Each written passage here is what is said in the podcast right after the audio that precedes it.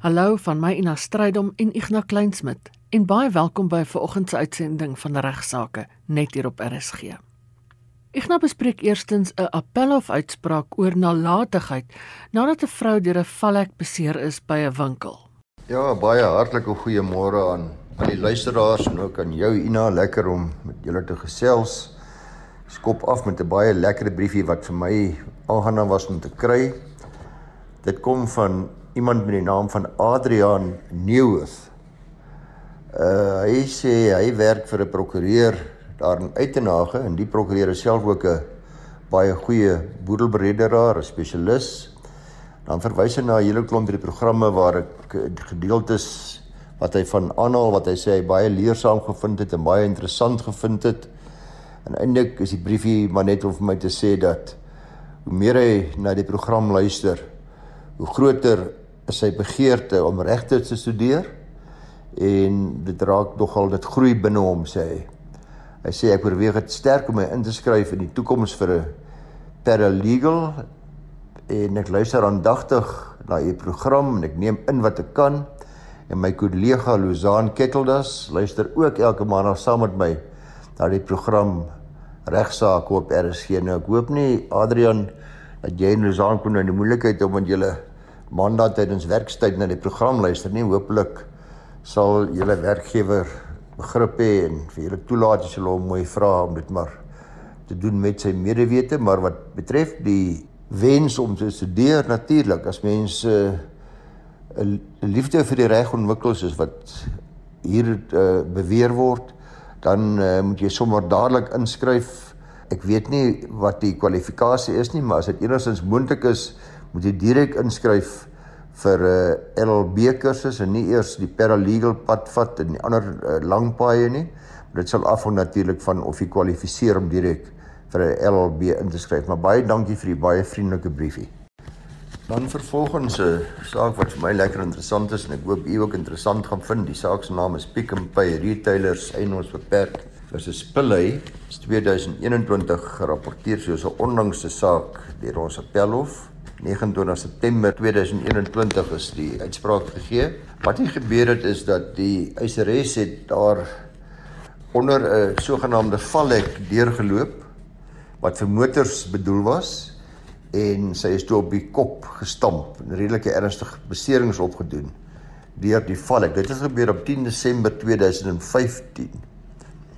Uh die Vallek is ongeveer 3 meter lank. Ek ken al hierdie by die by al die winkelsentrums en die malls en die goederes is hulle baie volop wit en rooi geverf. Gewoonlik by die parkades ook. En uh, in hierdie geval was die getuienis dit weeg so 2,4 kg, so dit kan nogal redelik seer maak. Die boks wat die meganisme huisves is ook in 'n helder geel kleur geverf, was ook baie sigbaar. En hierdie spesifieke hek was op 'n sypaadjie reg oorkant 'n ingang na hierdie spesifieke winkelsentrum. Nou die eiseres het 'n aksie ingestel nadat sy beseer is toe sy onder hom deurgeloop het eers in die Landroshof te Durban uh, teen Pick n Pay en daardie hof het die eiseres se eis van die hand gewys op grond daarvan dat sy hoegenaamd nie bewys het dat sy wel deur die vallek beseer is nie. Sy het verder ook nie volgens die hof bewys dat die verweerder in enige opsig dis 'n nou Pick n Pay nalatig was deur die aanbring van die vallek op daardie spesifieke tyd en manier nie. Daar is toe appel deur haar aangeteken na die KwaZulu-Natal se Hooggeregshof en daarmee het sy nou weer geslaag. Die hof beslis in Natal in die Hooggeregshof dat die verweerder wel moes voorsien het dat daar 'n moontlikheid kan bestaan dat mense beseer kan word want dit was baie duidelik uit die getuienis dat dit baie gereeld gebeur het dat nie net motoriste met hulle motors nie, maar ook voetgangers gebruik gemaak het vir hierdie spesifieke roete om na hulle voertuie toe te stap. Die Hooggeregshof het egter 'n verdeling van 60-40 toegepas.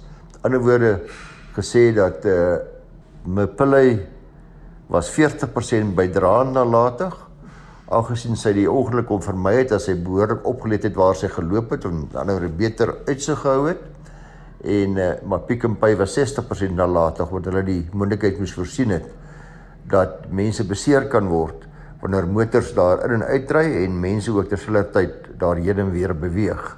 Daarna het die verweerders in 'n Pick n Pay hulle gewend tot die hoogste hof van appel. Nou die eiseres het aangevoer dat die voorval veroorsaak is deur uitsluitlike nalatigheid van die verweerder omrede hierdie valhek direk langs die gewilde voetgangerspaadjie staande gemaak is en daarom het sy die aksie ingestel. Die argumente vir die verweerder was dat hulle wel die risiko seker bestaan dat hierdie valhek skielik sou neersak en 'n persoon sou kon tref, was die vraag of dit redelikerwys voorsienbaar was. En die advokaat vir die verweerders het aangevoer dat daar nie bewys is dat dit redelikerwys voorsienbaar was uh dat dit sou gebeur nie dat die verweerder dus nie nalatig was nie. Die vraag, enigste vraag vir die Hoogste Hof van Appel was dus regtig het die verweerder in hierdie spesifieke omstandighede gepaste stappe geneem om die beserings of risiko daarvan te voorkom. Met ander woorde, indien dit redelikerwys voorsienbaar was, het hulle gepaste stappe geneem om beserings of risiko daarvan te voorkom. 3 maande voor die ongeluk in September 2015, uh die einste valhek 'n voetganger getref, maar gelukkig het dit net die persoon se brille gebreek. Die enigste stappe wat die verweerder geneem het na na hierdie insident was om ook 'n waarskuwingsbord te bestel waarop daar gewag sou word wat dan opgerig sou word daar by die valhek. Die hof het genoem dat 'n redelike stap sou gewees het om 'n operateur aan te stel om hierdie valhek intussen te monitor, maar dit sê die hof is nie gedoen nie. Die sensor wat hierdie valhek optel, hierdie hefboom van die valhek optel, is eers na die tweede insident in Desember 2015 verwy en die spoed waarmee die uh boom dan opgetel word en weer neersak is verander van 2 sekondes tot 4,6 sekondes. So eers na hierdie voorval het Pick n Pay stappe geneem om skade te beperk en die hof se beslissing is dat hulle wel redelikerwys moes voorsien dat daar skade aangerig kon word aan iemand, dat iemand beseer kon word wat daar onder deur stap. Tweedens dat die dat hulle wel nalatig was en nie voldoen het aan die standaard van dit wat mense van 'n redelike persoon in dieselfde omstandighede sou verwag nie en hulle appel is dus van die hand gewys. Net weer wat die toets van nalatigheid betref, het die verweerder, Speak and Pay hierso as 'n diligence partner familie is die moontlikheid voorsien dat hulle optrede persone sou beseer of skade kon veroorsaak. Tweedens, het die verweerder redelike stappe geneem om teen sulke gebeurtenisse te waak En laastens het die verweerder versuim om sulke stappe te neem en dit het dit is wat die appelhof hier bevind het. Gevolglik slaag die eiseres om daar eis, eh, maar die eisbedrag sal later deur die hof bepaal word. Watter bates word deel van 'n bestorwe boedel wanneer iemand binne gemeenskap van goedere getroud is? Ek nou beantwoord 'n luisteraarsvraag hieroor. Ontvang 'n vriendelike skrywe van 'n Natasha Jansen van Rensburg. Sy sê sy het my besonderhede van 'n vriend wat na RSG regsaake luister gekry en sy het nou ook 'n paar vrae en ek hoop dat aanleiding van die verwysing wat sy van 'n vriend gekry het, sy ook in die toekoms 'n luisteraar gaan word van regsaake. Sy sê dat eh uh, sou die oorlede in 'n se boedel geregistreer word. Is net een erfgenaam. Dis net volgens die testament en sou ook dan die eksekuteur en hulle is binne gemeenskap van goedere getroud Watse bates word alles deel van hierdie boedel? Byvoorbeeld, hulle gee sy klompie voorbeelde. Beide die oorledene en sy vrou, dis nou die vrou is die erfgenaam se persoonlike bates van hulle afsonderlike bankrekeninge, val dit in daardie boedel. Die anniteite van die oorledene, asook die erfgenaam se aandele in 'n maatskappy, val dit alles binne die boedel. As daar 'n eiendom op hulle naam is, word die totale waarde van die huis deel van die boedel of net die oorledene se helfte. Hoe werk dit? Kan jy asseblief my riglyne gee? wat die standaard persentasie is wat prokureurs vra van die totale bates van die boedel om 'n boedel te bereder. Nou ek het soos ek dikwels doen, die vraag gegee vir Volker, die boedelspesialis daar by Sellen Duffy vir ons te antwoord en hy sê die volgende. Hy sê waar partye binne gemeenskap van goedere getroud is, soos in hierdie geval, bestaan daar slegs een gemeenskaplike boedel en uit 'n regsoogpunt hierdie twee gades dis saam een boedel wat uit alle bates en laste wat elkeen van hulle mag hê bestaan. Wanneer een van die gades te sterwe kom, is daar ook net een gemeenskaplike bestorwe boedel. As uitgangspunt is dis alle bates, dis langs lewendes se naam ook deel van die bestorwe boedel? Dit dit antwoord tot 'n groot mate reeds haar eerste vraag. Dis juis een van die nadele van huwelik binne gemeenskap van goedere. En hoekom ons mense altyd adviseer om eerder buite gemeenskap van goedere te trou. As daar dus enige luisteraars is wat oorweeg om 'n huwelik te tree, die meeste mense bly maar deesdae net saam, moet hulle asseblief tog voor huweliksluiting behoorlike advies gaan kry oor die aangaan van 'n behoorlike huweliksvoorwaarde kontrak en daar's 'n hele klompie moontlikhede wat ek al nou gewys het. Mens kan trou binne gemeenskap van goedere, maar dan ook buite gemeenskap van goedere met of sonder die aanwasbedeling. Die luisteraar vra dan oor die afsonderlike bankrekeninge dat die fondse in albei gades se bankrekeninge op datum van afsterwe van die eersterwende vorm deel van die bestorwe boedel. Ek het reeds gesê al die bates wanneer die eerste een te sterwe kom binne gemeenskap van goed vorm alle bates deel van die bestorwe boedel, so ook die bankrekeninge. Die fondse moet dus wel in die likwidasie en distribusierekening van die boedel aangetoon word. Dit geld dus ook vir die langslewende se bankrekening. Die banke vereis egter nie dat die bankrekening van die langslewende gesluit word nie. Bestaan die met hulle nogal maar blykbaar nie meer nie. Gelukkig kan die langslewendes ook na afsterwe van die eersterwende verder meer die bankrekening in sy of haar naam gebruik. Dieselfde beginsel geld vir enige aandele wat in die naam van die langslewende is. Dis dus ook deel van die bestorwe boedel, annuïteite, pensioene wat onder die wette pensioenfonde van die 1956 val vorm aan die ander kant as 'n reël nie deel van 'n bestorwe boedel nie. So annuïteite, pensioene uh dikwels vorm nie deel van die bestorwe boedel nie. Uh dit geld vir pensioene en albei gades se name. Ten slotte wil die luisteraar ook weet van hulle eiendom en ja, ook so eiendom se totale waarde sal deel wees van die bestorwe boedel. Dit is verder belangrik om te verstaan hoe die distribusie werk by so 'n bestorwe boedel waar die gades getroud is binne gemeenskap van goed. Die langslewende gade gaan altyd geregtig wees om 50% van die boedel terug te ontvang gevolge die huwelik binne gemeenskap van goedere. Die ander 50% sal dan volgens die erfreg vererf. Indien die oorledene byvoorbeeld 'n testament nagelaat het, sal die testament bepaal wie die erfgename van daardie 50% van die oorledene is. Indien hy sonder 'n testament te sterwe gekom het, sal die wet op intestate erfvervolging uh, gevolg word om te bepaal waar daardie 50% heen moet gaan. In hierdie luisteraar se geval klink dit baie duidelik vir my as hy die enigste erfgenaam volgens die testament van haar man is. So sal dus 50% van die gemeenskaplike bestorwe boedel terugontvang as gevolg van die huwelik binne gemeenskap van goed. Die ander 50% sal sy volgens die testament erf. Wat die siteursvergoeding betref, sy vra wat kos dit? Wil ek tog maar aanbeveel dat indien sy in hierdie situasie is en haar man oorlede is en sy is aangestel as eksekuteur soos sy sê, dit altyd goed is om haar eksekuteur te gaan spreek, die boedelspesialis om die boerelvee te beredder en normaalweg is die tarief die voorgeskrewe tarief is 3,5% van die bruto waarde van die boerel plus BTW indien van toepassing. Verder is die eksekuteur ook geregtig op 6% van alle nadoodse inkomste plus BTW indien van toepassing. Ek het al verder ook gesê dat u is baie welkom afhangende van die gekompliseerdheid en die waarde van die boerel om met die eksekuteur wat u vra om u te help die prokureur, die spesialis om met hom of haar te onderhandel uh oor 'n laer persentasie as 3,5% plus BTW. Deel 2 van vanoggend se regsaake begin met 'n saak oor middelike aanspreeklikheid. Ek het al voorheen met u sake van middelike aanspreeklikheid bespreek en uh vandag se saak is nogal vir my besonder interessant en ook uh interessant maar ook tragies. Ons sê die spreekwoord sê dat he who acts through another acts himself. En sommige werkgewers kom ek agter besef nie dat hulle aanspreeklik gehou kan word vir onregmatige dade wat hulle werknemers pleeg vir eie gewin. Selfs lê die werkgewer glad nie van die dade geweet nie en selfs lê die werkgewer self ook skade gely. Hierdie beginsel is dan het dan die naam gekry van middelike aanspreeklikheid. Dit behels die skuldlose aanspreeklikheid van een persoon vir die onregmatige dade van 'n ander.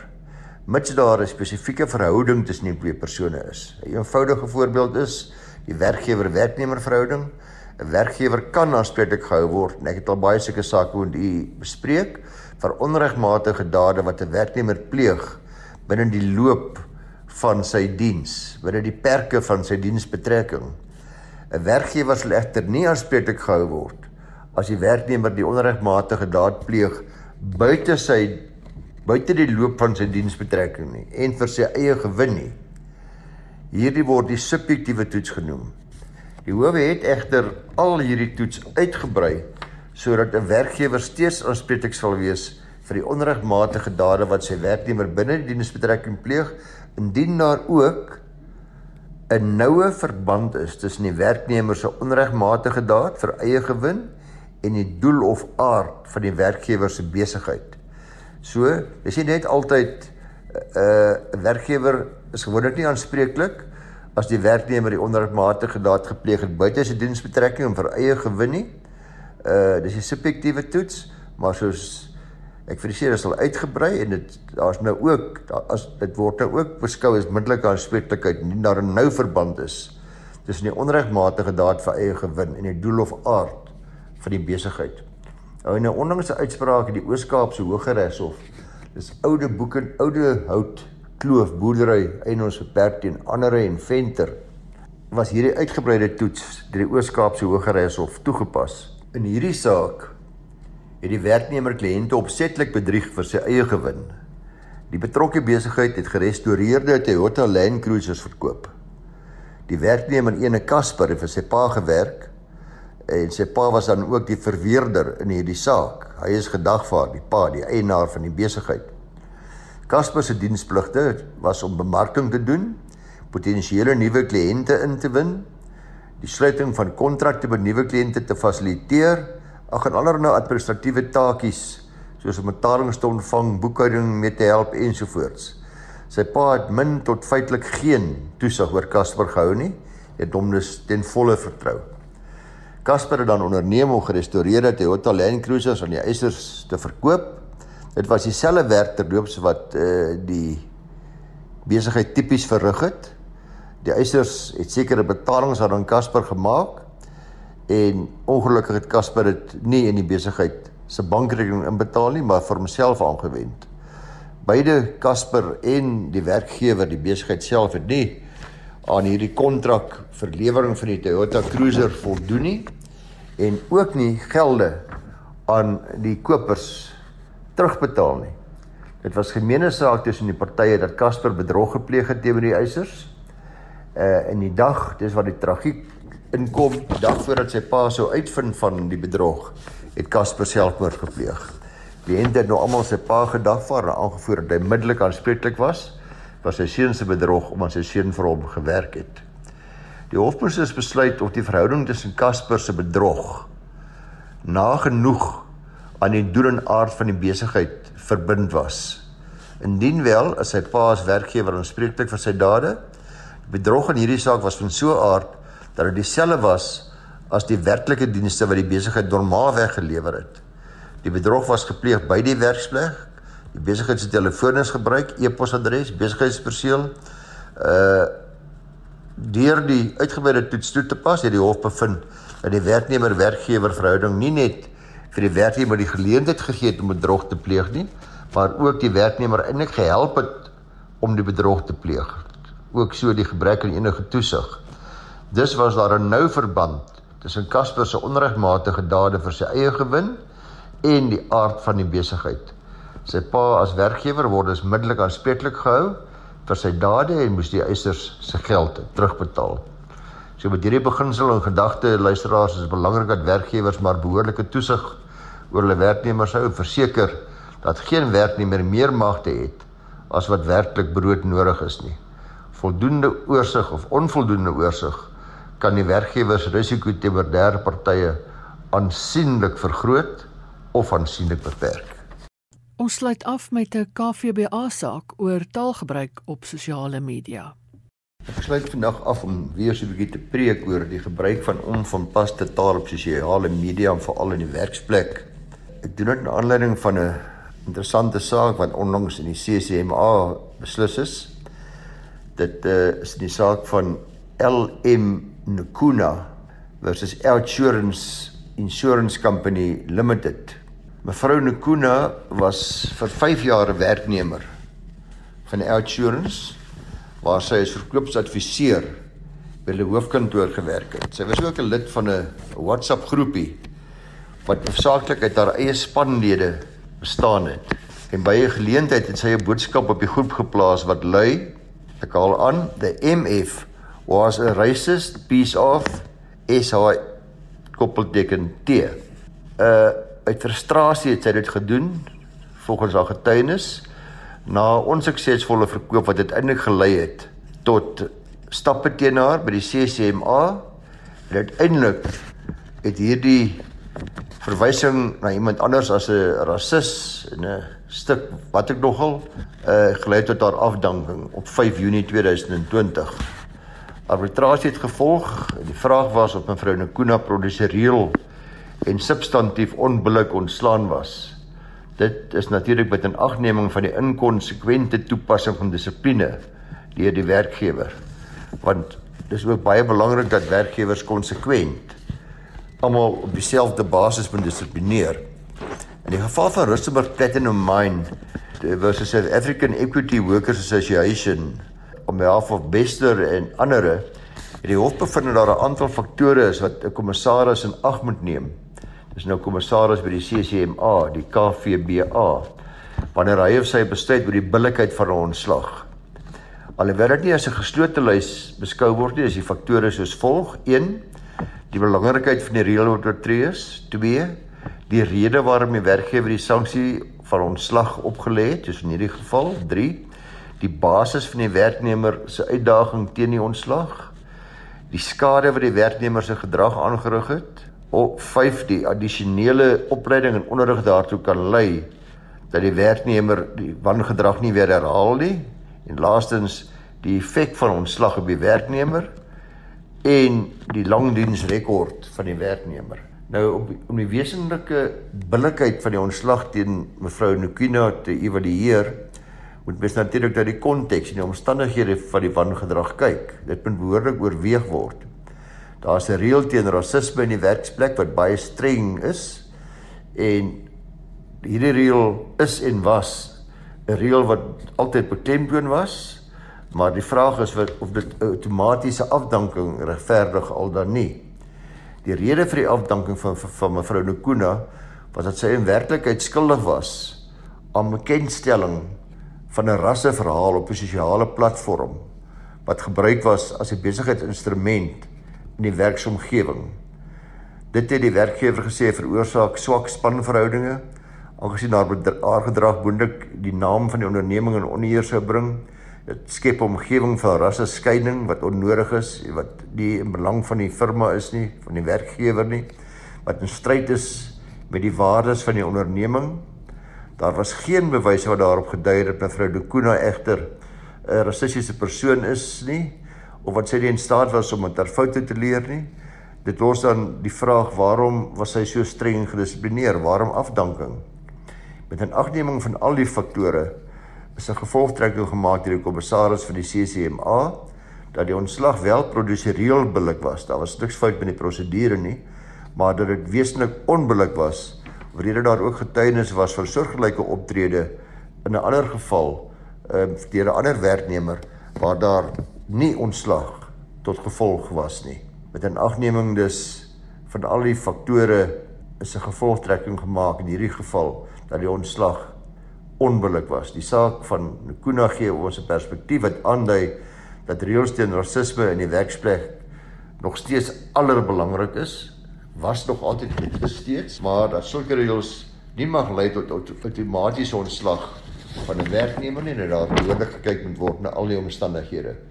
Werkgewers moet uiteraard altyd daarna streef om 'n konsekwente toepassing van dissipline by werksplek te handhaaf. Want soos dit blyk in die geval van mevrou Nkuna, kan inkonsekwente toepassing van dissiplinêre optrede afdankings onbillik maak soos in hierdie geval bevind is. Dis dan al vir vandag. Van my Ina Strydom en Ignas Kleinsmid. Groete tot volgende week.